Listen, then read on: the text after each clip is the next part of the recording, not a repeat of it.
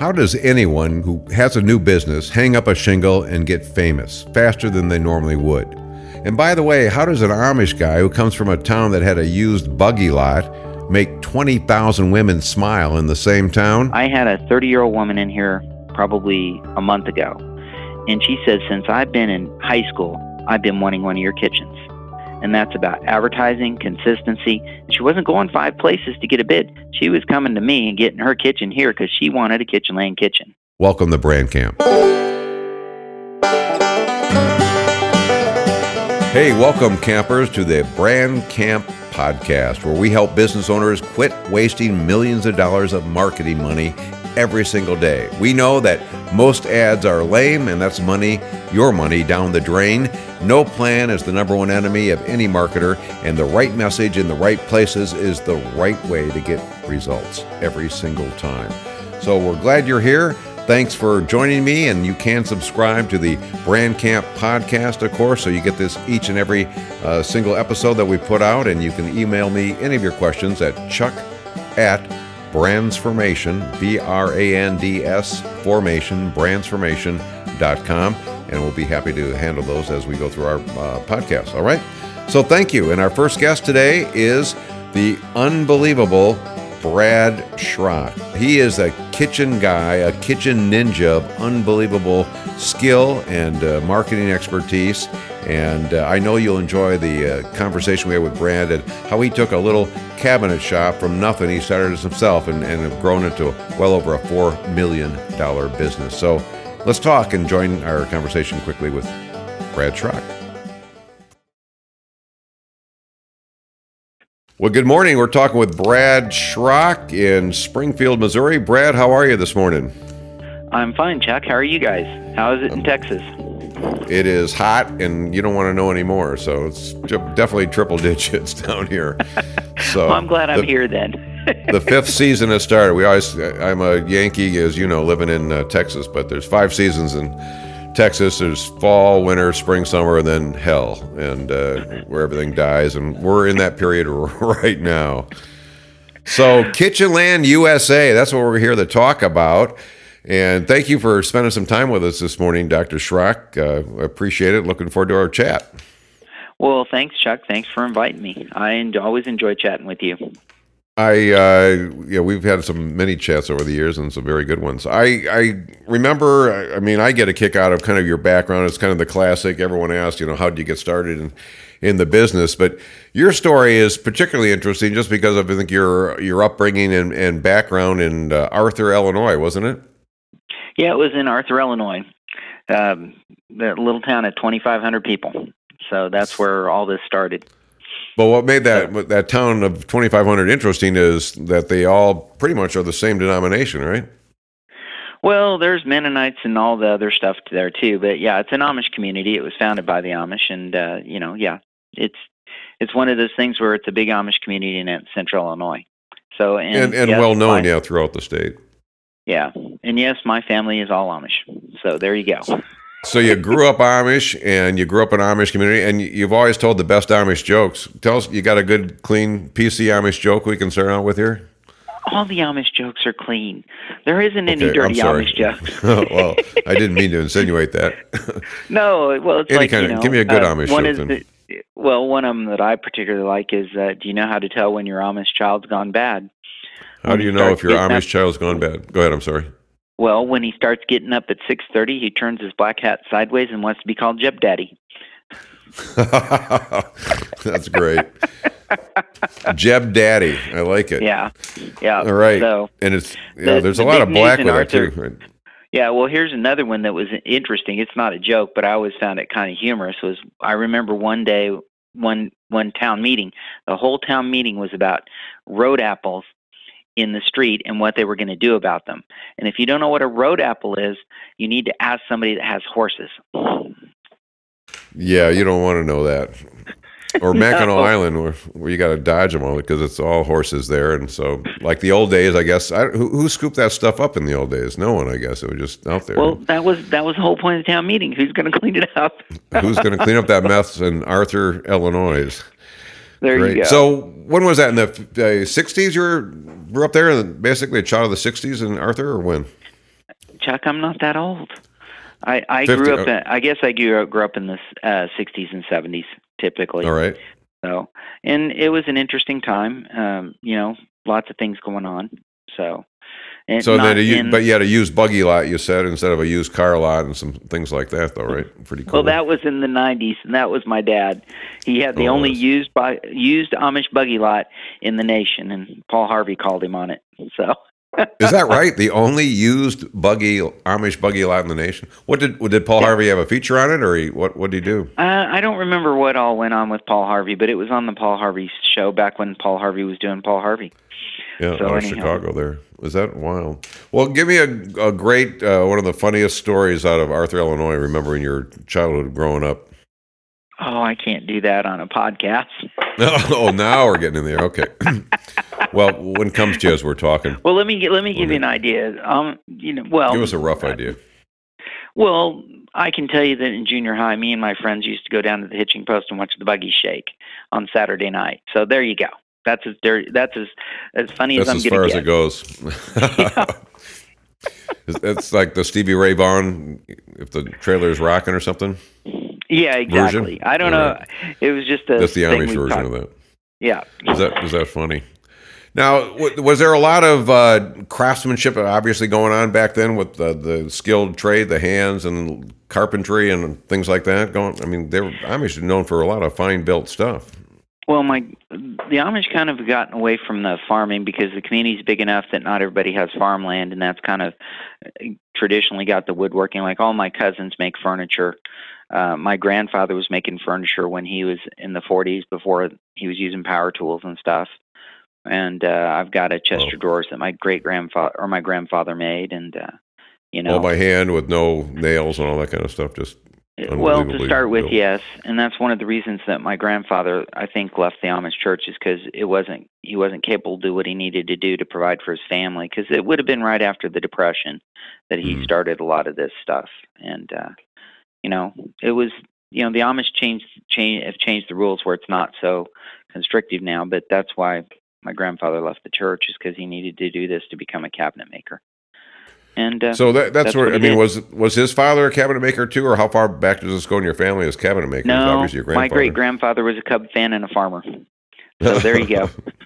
He used to and go out. son the, really. He used to go out in the barn and listen to the Cubs on the transistor radio, so nobody'd know he was doing it. That's right. You're not supposed to have power going there, are you? no.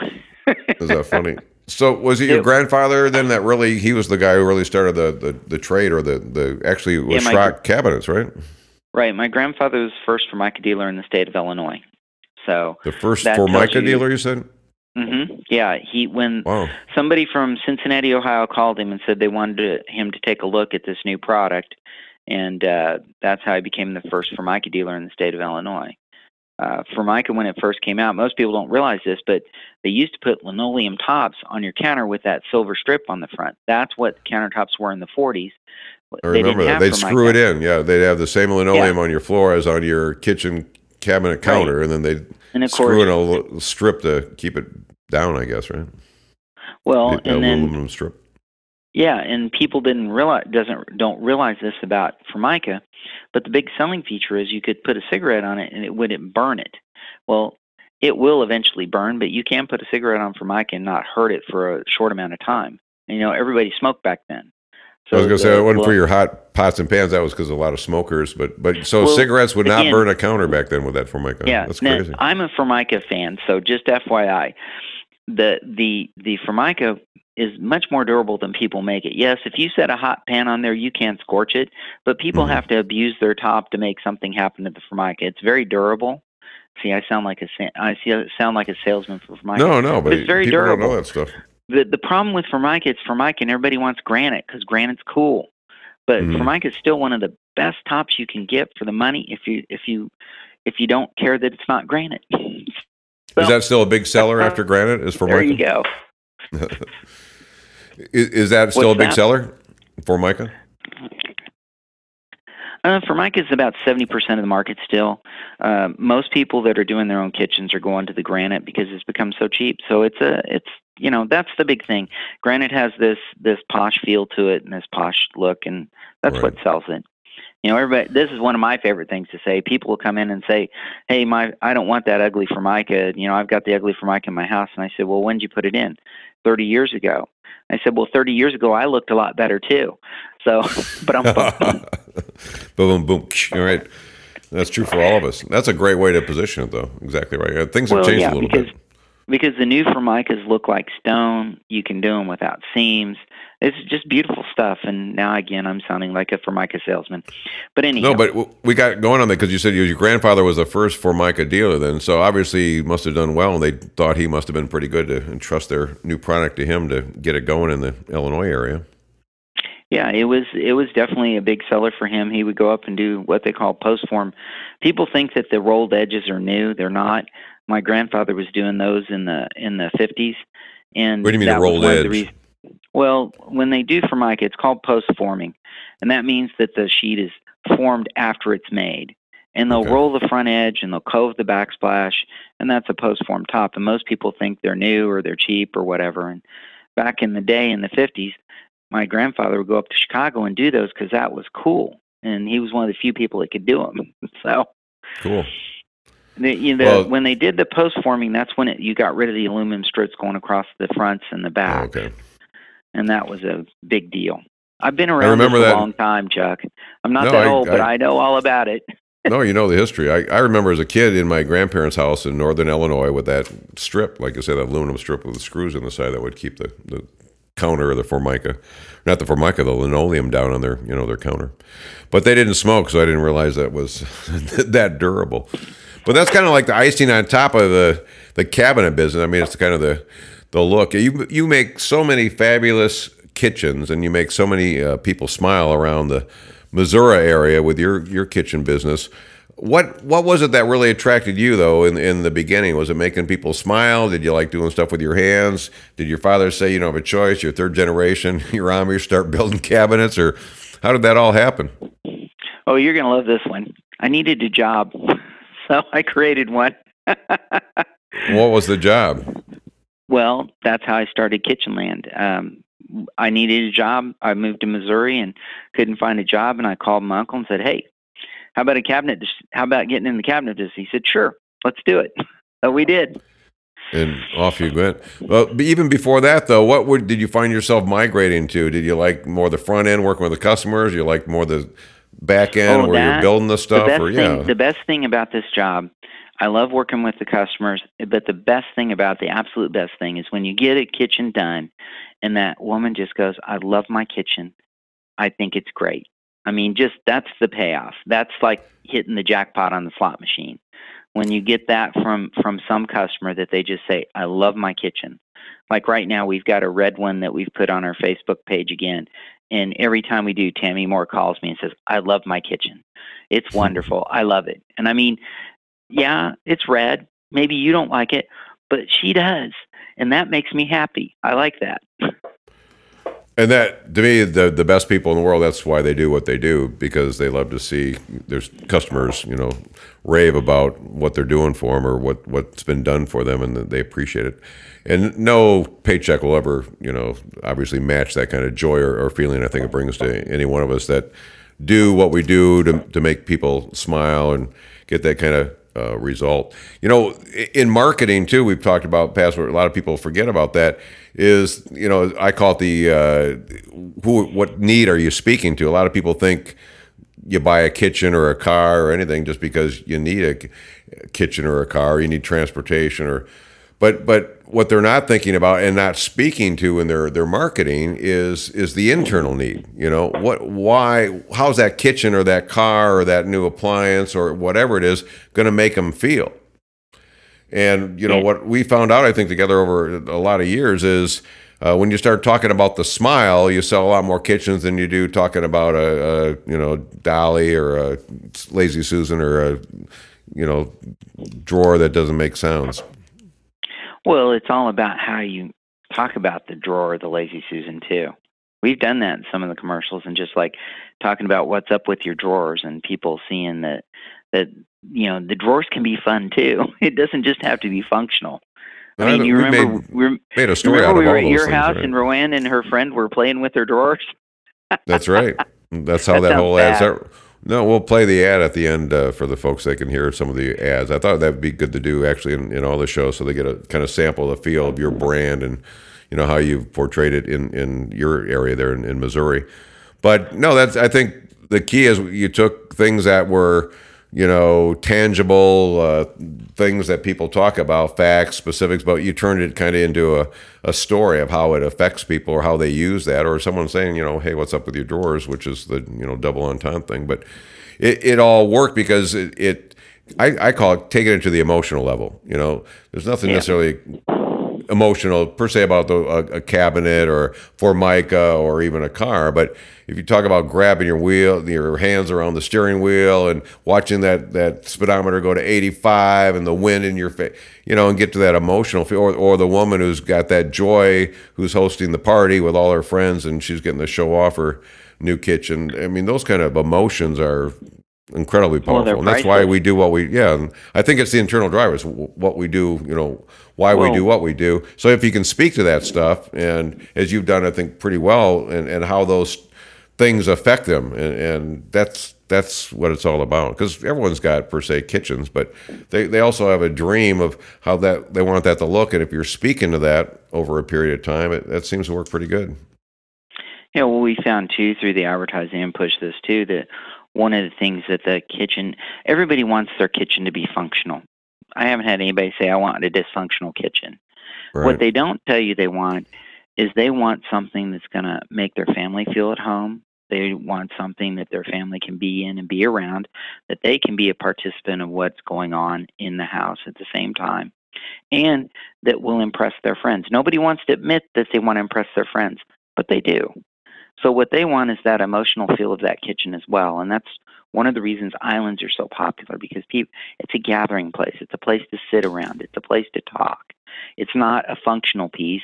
Well, it is functional, but it's about what it brings to that area too. And that's a place that you can sit around and you can talk and your friends can drink wine and you can be on the other side cooking something and they can still be talking to you. And your kids can come do do their homework and you can be working in the kitchen still participate in their lives.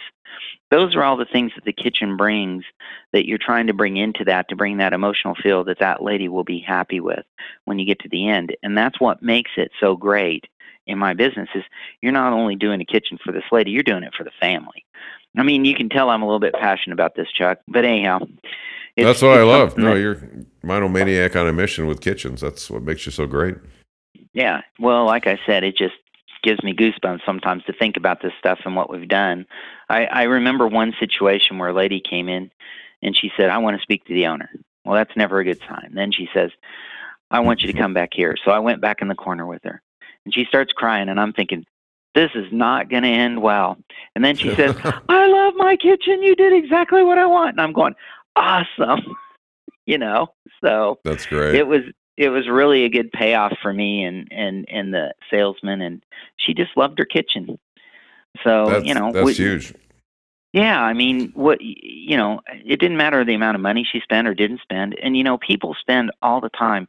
This is something that when you're marketing and, and things you've got to remember that that person whatever they're in your store for whatever they're doing it's a lot of money to them. Whether they're whether they've got a twenty thousand dollar income or a million dollar income it's a lot of money to them. And you need to treat them with that same respect because I'll tell you, some of the best kitchens I do are, well, we had one that we did was a little $5,000 kitchen.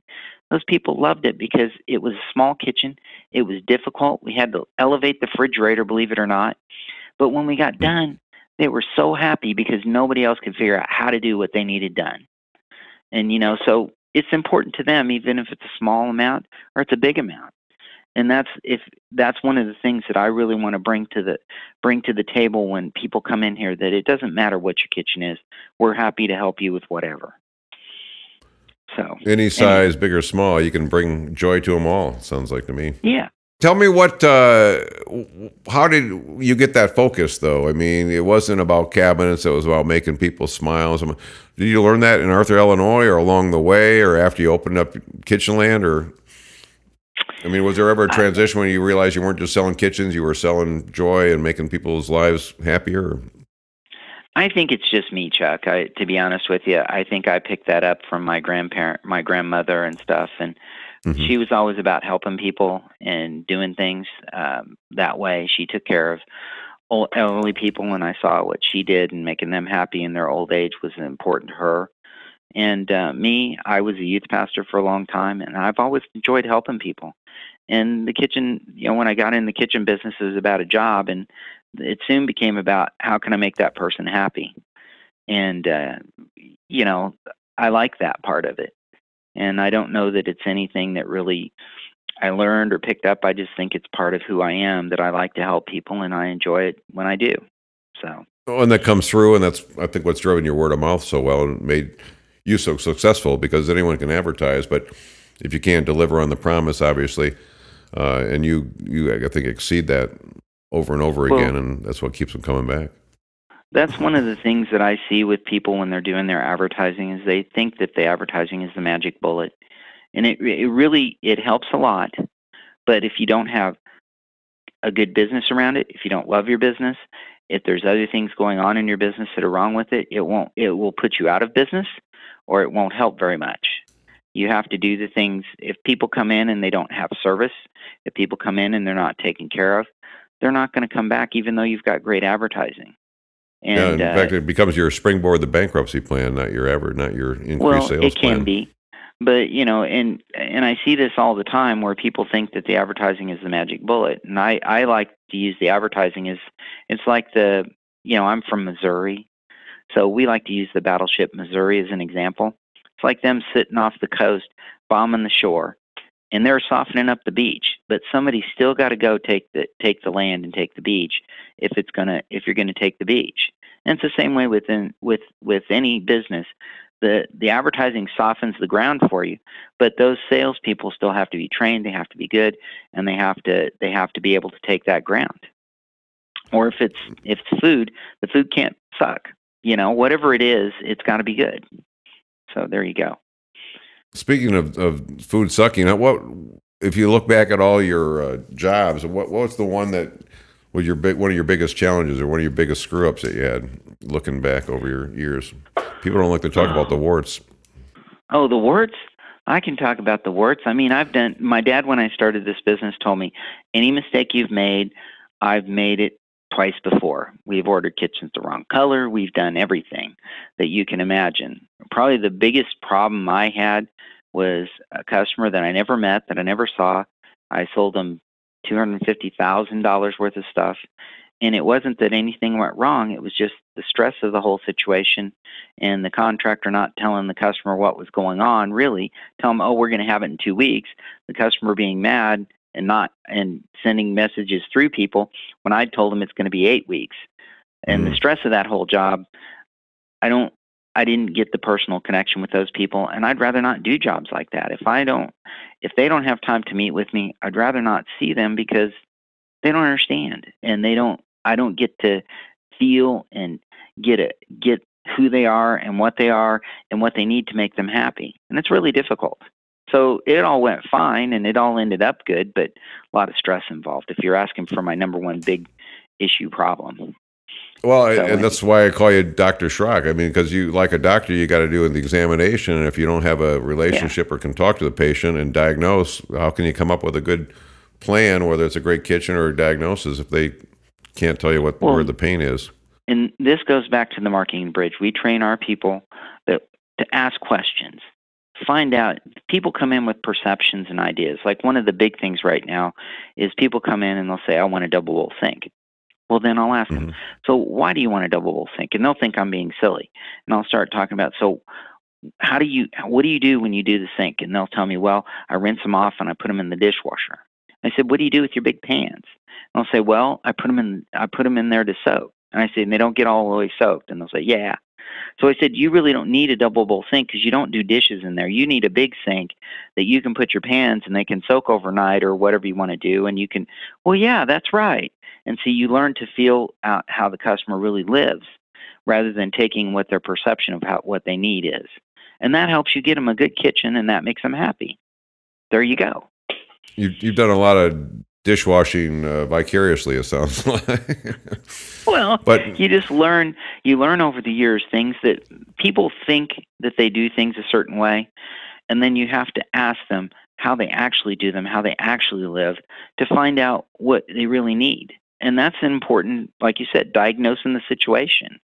Because yeah, get behind their eyeballs. You know, Right, because if you just take for granted what somebody asks, and that's what most of the other competition does, that's what's on the plan, that's what I'm going to do, here you go.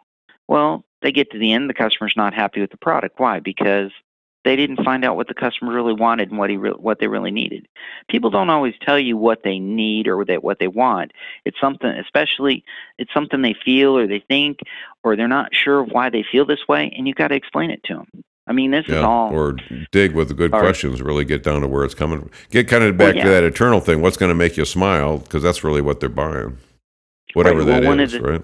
Right, and you you do the same thing when you're doing stuff. You you know, Chuck, you asked me, what is success to you? What's success to you? Asking me about my advertising. What am I expecting to happen? Well, I really didn't know, and you asked me that question, and I started explaining it to you. And that's a, a good, you know, any good salesperson should be doing that. And if you're going to advertise correctly, you've got to know these things about your customers and you got to know these things of what you want to do and be. You know, because that's what the advertising is. It's telling people who you are and what you are. And if you're cheap, you want to tell them that way in a creative story. You don't want to tell them, "Hey, I'm cheaper than everybody else." Well, that's what everybody else says. You know, you got to do it in a creative way you know and and we've done we decided i believe that you you coined the phrase we're going to be we're going to be um in between or what was it the DiGiorno's yeah where we're not we're not the expensive takeout pizza we're the in between pizza because that's really mm-hmm. the kitchens I like doing. And you knew that about me that I like doing those middle of the range kitchens. Like I said the the people that are doing those don't have time to meet with me. I don't like dealing with them because it's just hard so anyhow, but finding out who you are and putting that out, that message out the way you want it is important and being creative with it and making sure you're not being I'm the best or whatever. You're saying it in a way that like what we do with the slightly obsessive Amish family says something about the quality that we put into it and what we're doing and what we expect because my family tradition is important to me and what they brought to me and the work that they did the work ethic I have is all from my family and where I came from. And I'm very proud that my family's Amish. I'm very proud of what they do because they're all hardworking people and they're nice people. So I think it shows I, too, and just the way you treat people and, and the respect and, and the love and just one yeah. human to another. You and you've helped that. me put that. You've helped me put that out there in our advertising, and that's really what well, we needed. I was going to ask you. I mean, that's to me. It's it's just most business owners have a the good ones have a good story to tell. They they just aren't telling it. So you were very successful when we met uh, many years ago, what, fifteen years ago or so. Um, you had your shingle out, and you'd you'd been in business. I don't know how long by then, five or six years at least, or not longer, wasn't it? By the early well, two thousand we met in 2004. I'd been in okay. business since 93, so a little over 10 years, and we've been right. mainly doing newspaper advertising, but I'd never been able and we spent a lot of money on newspaper. I spent $60,000 one year on TV trying to get branded. And you know, I wanted to have that top of mind awareness out in our marketplace and I couldn't get it done. And I ran into Dan O'Day, and we started doing some there, but still it wasn't there. It's and I'll just be blunt. It's when I met you and we got this message. We set the message, and the way that it went, and the, the message wasn't just the slightly obsessive Amish. It was the writing of the commercials, the consistency of the commercials, the way they went out there. It was all this stuff. And the best thing ever that everybody gets nervous about is when my competitors started calling me bitching at me, bitching at me about my commercials. I thought that was awesome because that means I'm having an effect. And what this has done in our marketplace, everybody now, pretty much everybody finishes now. Everybody has to do dovetail drawers, and they also have to do smart stops, and it's put their price right even with us. You know why? Because we told people they needed them. well, you educated, so, and they want them, right? And they're mad yeah, if they don't they get want them. All so, that stuff. yeah. So I think really you made, helped us. Go ahead.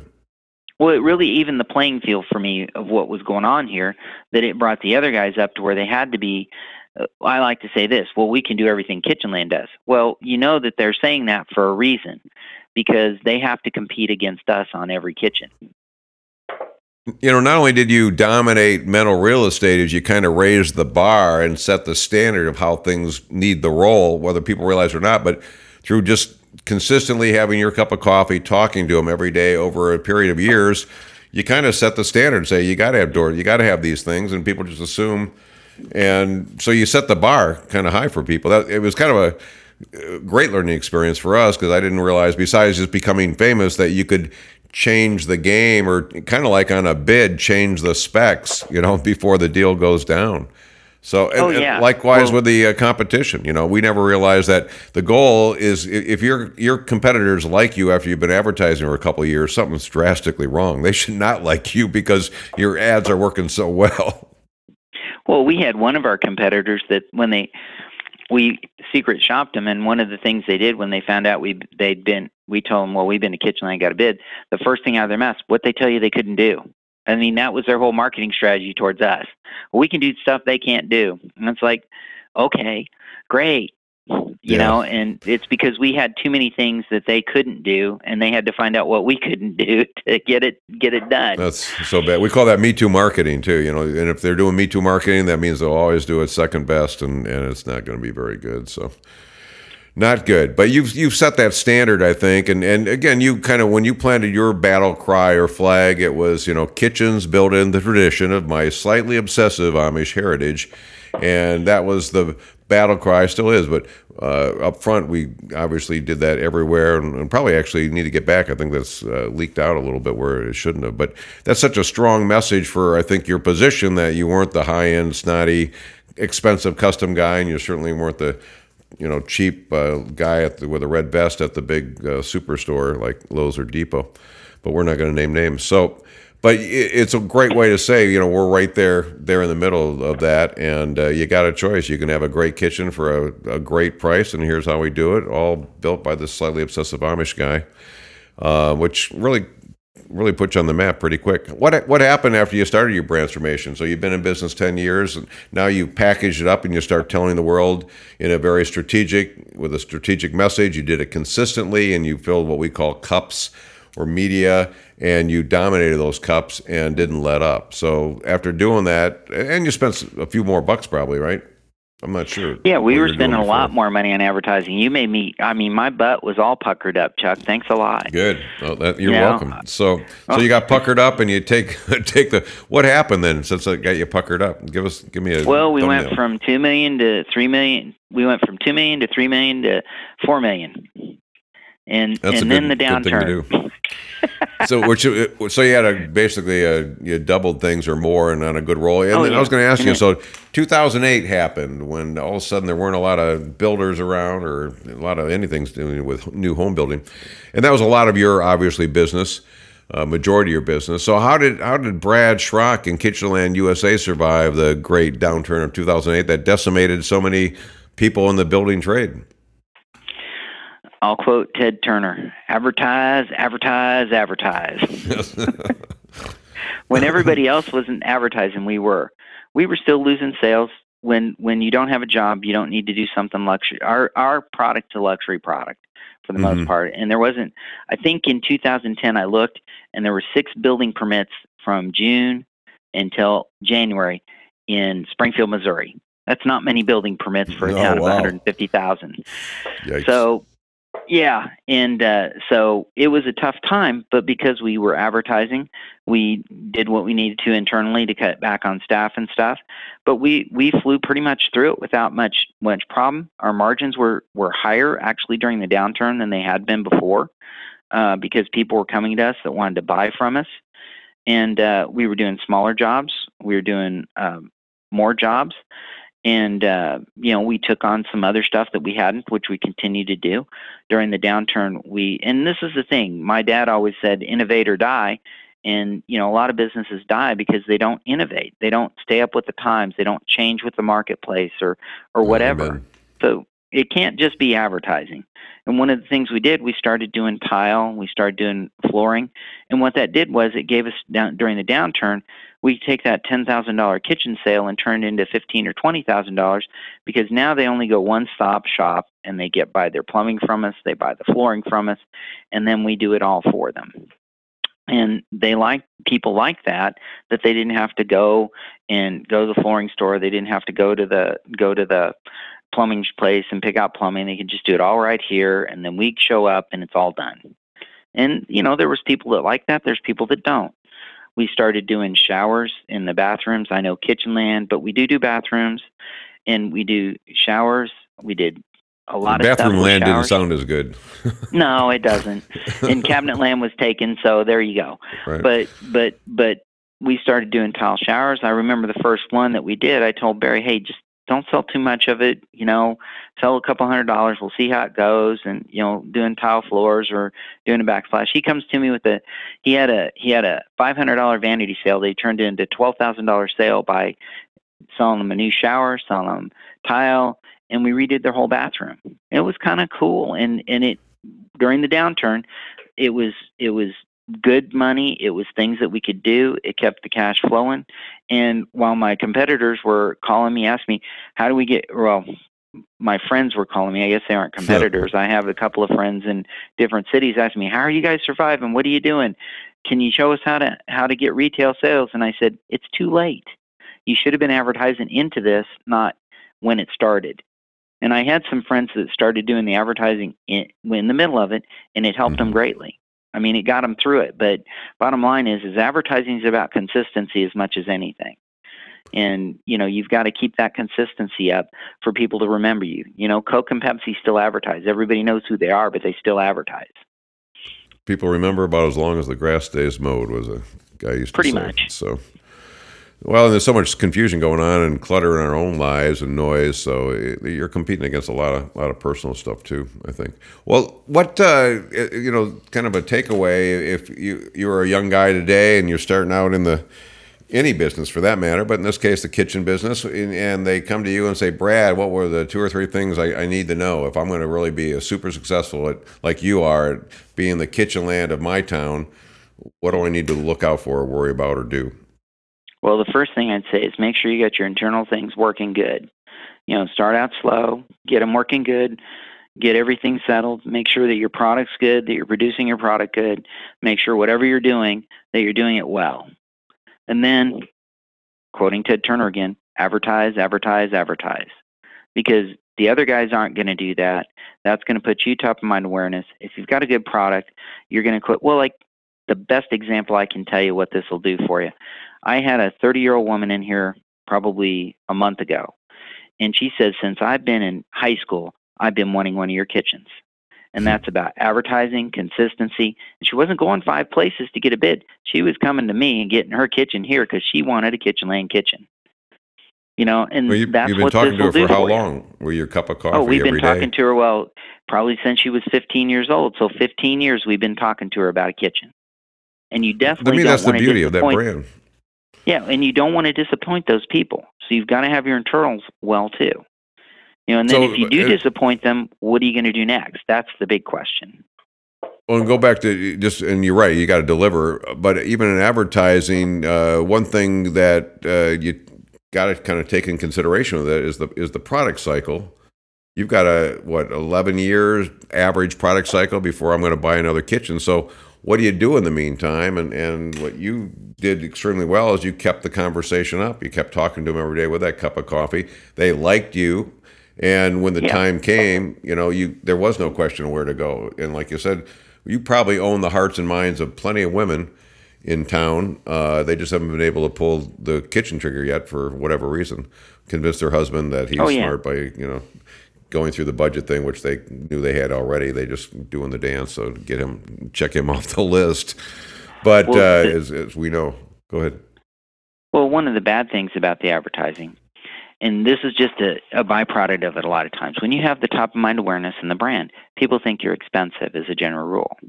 So we combat that on a regular basis. People come in here all downtrodden, and then they'll find out our price is, is really good, and they'll be all happy again because you know making sure that they do give us a shot is a big deal. And if they give us a shot, we don't, you know, we impress them, and that's a big deal. You know, because we're competitive and all that, and then they're happy. So giving them something they want for a price they can afford that they really want, and they're getting what they really want, they're all happy. like I said, it's about happiness with me. I like making people happy. Well, oh. it's a great, great thing to be selling. And you know what's cool about it is it's kind of it, it sounds dated, but in the old era you know Mercedes or uh, Cadillacs, I used to say. But if you already have a high a Rolex, a, a higher priced premium product, uh, the perception is it must be good. You know, oh, oh Rolex, it's a whole year of the bill one. Oh, it must be good. But you and, and so you build up that brand, and I think you've done that with the slightly obsessive Amish, and again the long and wide track record of customers that are you know raving about you, not just smiling.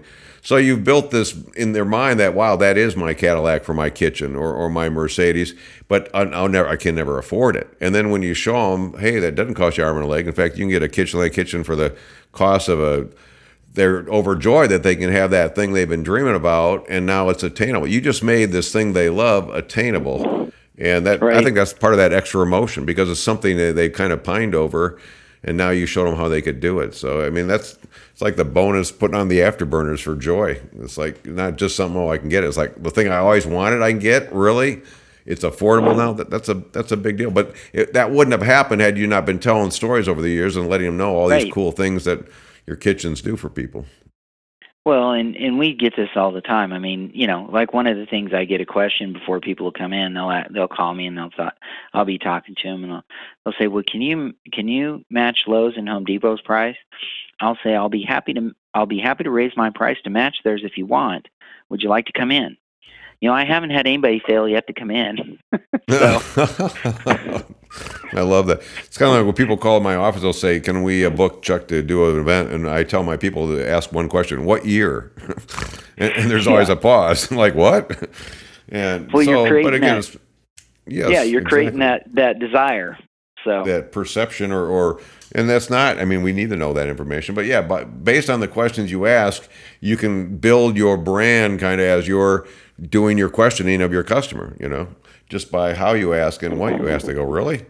Uh, and you know, for instance, if if uh, they want one of your kitchens and you say I, I, can start that tomorrow, they're they're thinking, what's wrong? How come you're not busy? you know, right? Right. So exactly. So part part of those things are it's just like never come up with the answer too quick because if you come up with it too quick, it's like well that was easy. You know, it's, at some point you got to make them look look harder than it was. They don't think it's valuable enough. So it, it, there's a lot of things, but in the end, you've got an incredible product. You've got a track record of you know thousands of miles long of overjoyed women in the area. So you're the real deal. And but I, I, think you did find a way to just put Brad on steroids and, and take it to the marketplace, so the the word got out a lot quicker and faster. Because don't you think word of mouth is still the best? This probably just amplified things for you. Well, it goes back to that same thing. You can't put out a bad product and advertise and expect it to work.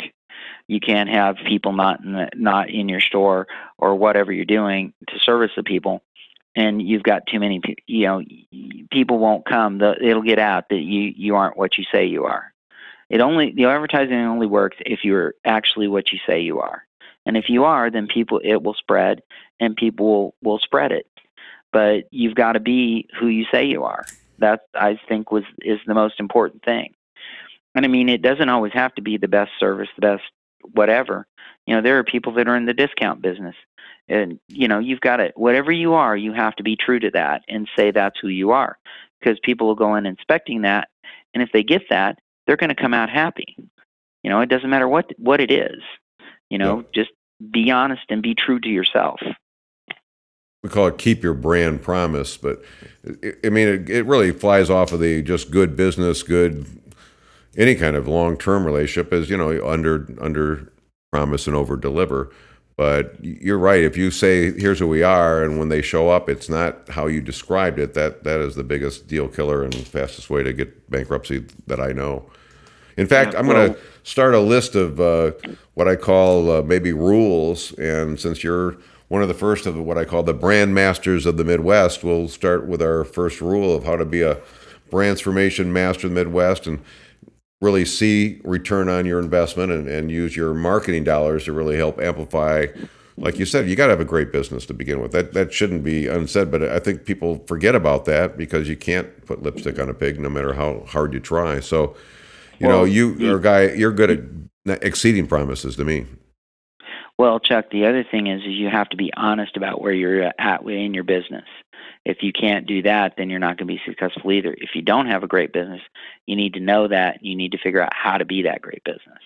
A lot of people lie to themselves, and then when they advertise, they find out what their business really is. You in know? fact, uh, and you mentioned that earlier, the marketing bridge, which we've talked about, which are the five elements of any successful business, uh, according to the Harvard School of Business. And advertising is just one. The other four are on the business owner's back, and that's why I think it's such a tough deal. But that's what makes a great business is keeping your promises, all those internal things, and and the, the advertising is, like you said, the last thing you do. Um, yeah, the advertising is icing on the cake that makes everything move. So get your act together before you start inviting them, because they'll start showing up if you invite them, and if you don't have your A game, it's it's not going to be a good thing down down the road for you, no doubt. Well, if you want a good analogy, Chuck, here you go. Uh, go back to the Big Mo off the coast. You can ask any of the World War II vets if they'd wanted to go storm the beaches without them, without the Big Mo off the coast bombing the shores. They're going to tell you no, because all it did was make them easy but we still had the best forces. We still had the best guys. We still had the good equipment. We had what we needed to take those beaches. If they hadn't had that stuff, wouldn't have mattered how much you bombed the shores. It wasn't going to happen. And there the story of the Maury is you need the big mo. You got no. You need the big mo, and you need the good guys. there you go. Yeah, but and and go back to the brand master of the Midwest. Number one rule is you got to keep your brand promise and deliver whatever you're talking about. That'd be but correct. You, you, made it easy because you've had a, always a great story to tell, and, and with great a great business. Like I said, you know, give me those kind of people, and when they put a system together of how to get famous, like Transformation, it, it makes it easy. Uh, the hard part is finding people like you that have mastered the skill, are great at what they do, and they just need to have a little more gas on the fire uh, and get known because that is hard to do. It's a separate skill from all the other business things we learn. Uh, but that that's there's no magic to it. It's, the magic is being good at what you do. And uh, all we do is, I think, accelerate. Uh, this was going to happen to you anyway. It just happened a hundred times quicker because uh, we got the words oh. out. And a lot of us don't want to wait a hundred times longer.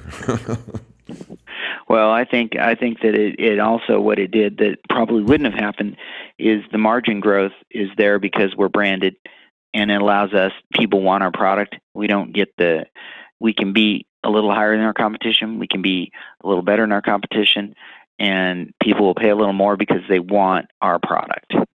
So I would say if a business owner wants to grow his margin, this is another good way to do it if you've got an excellent product.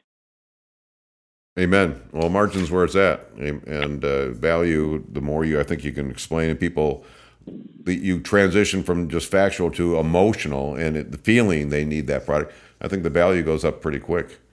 Uh, yep go from uh, it's not want you go kind of go backwards from want to need but it's because over time you've described how it's going to fit wherever they're going in their life and help them get there so now you've done a masterful job and and again you just had a great uh, anyone can talk about anything, but uh, delivering day and night consistently, I think over delivering. It's kind of like the Chick fil A thing. It's everyone's got chicken, but how do you deliver that? And you deliver the whole kitchen process from beginning to end uh, which isn't always easy. I mean, going through that remodeling really there's no nice way to talk about that it really sucks but you you have mastered that whole system from beginning to end and uh, you got a lot of smiling faces in springfield so congratulations brad schrock kitchen land usa one of the true brand masters of the midwest so thank you for joining us and, and sharing some of your i think uh, secrets inside secrets of how to have a super successful any kind of business, let alone in your case a, kitchen business.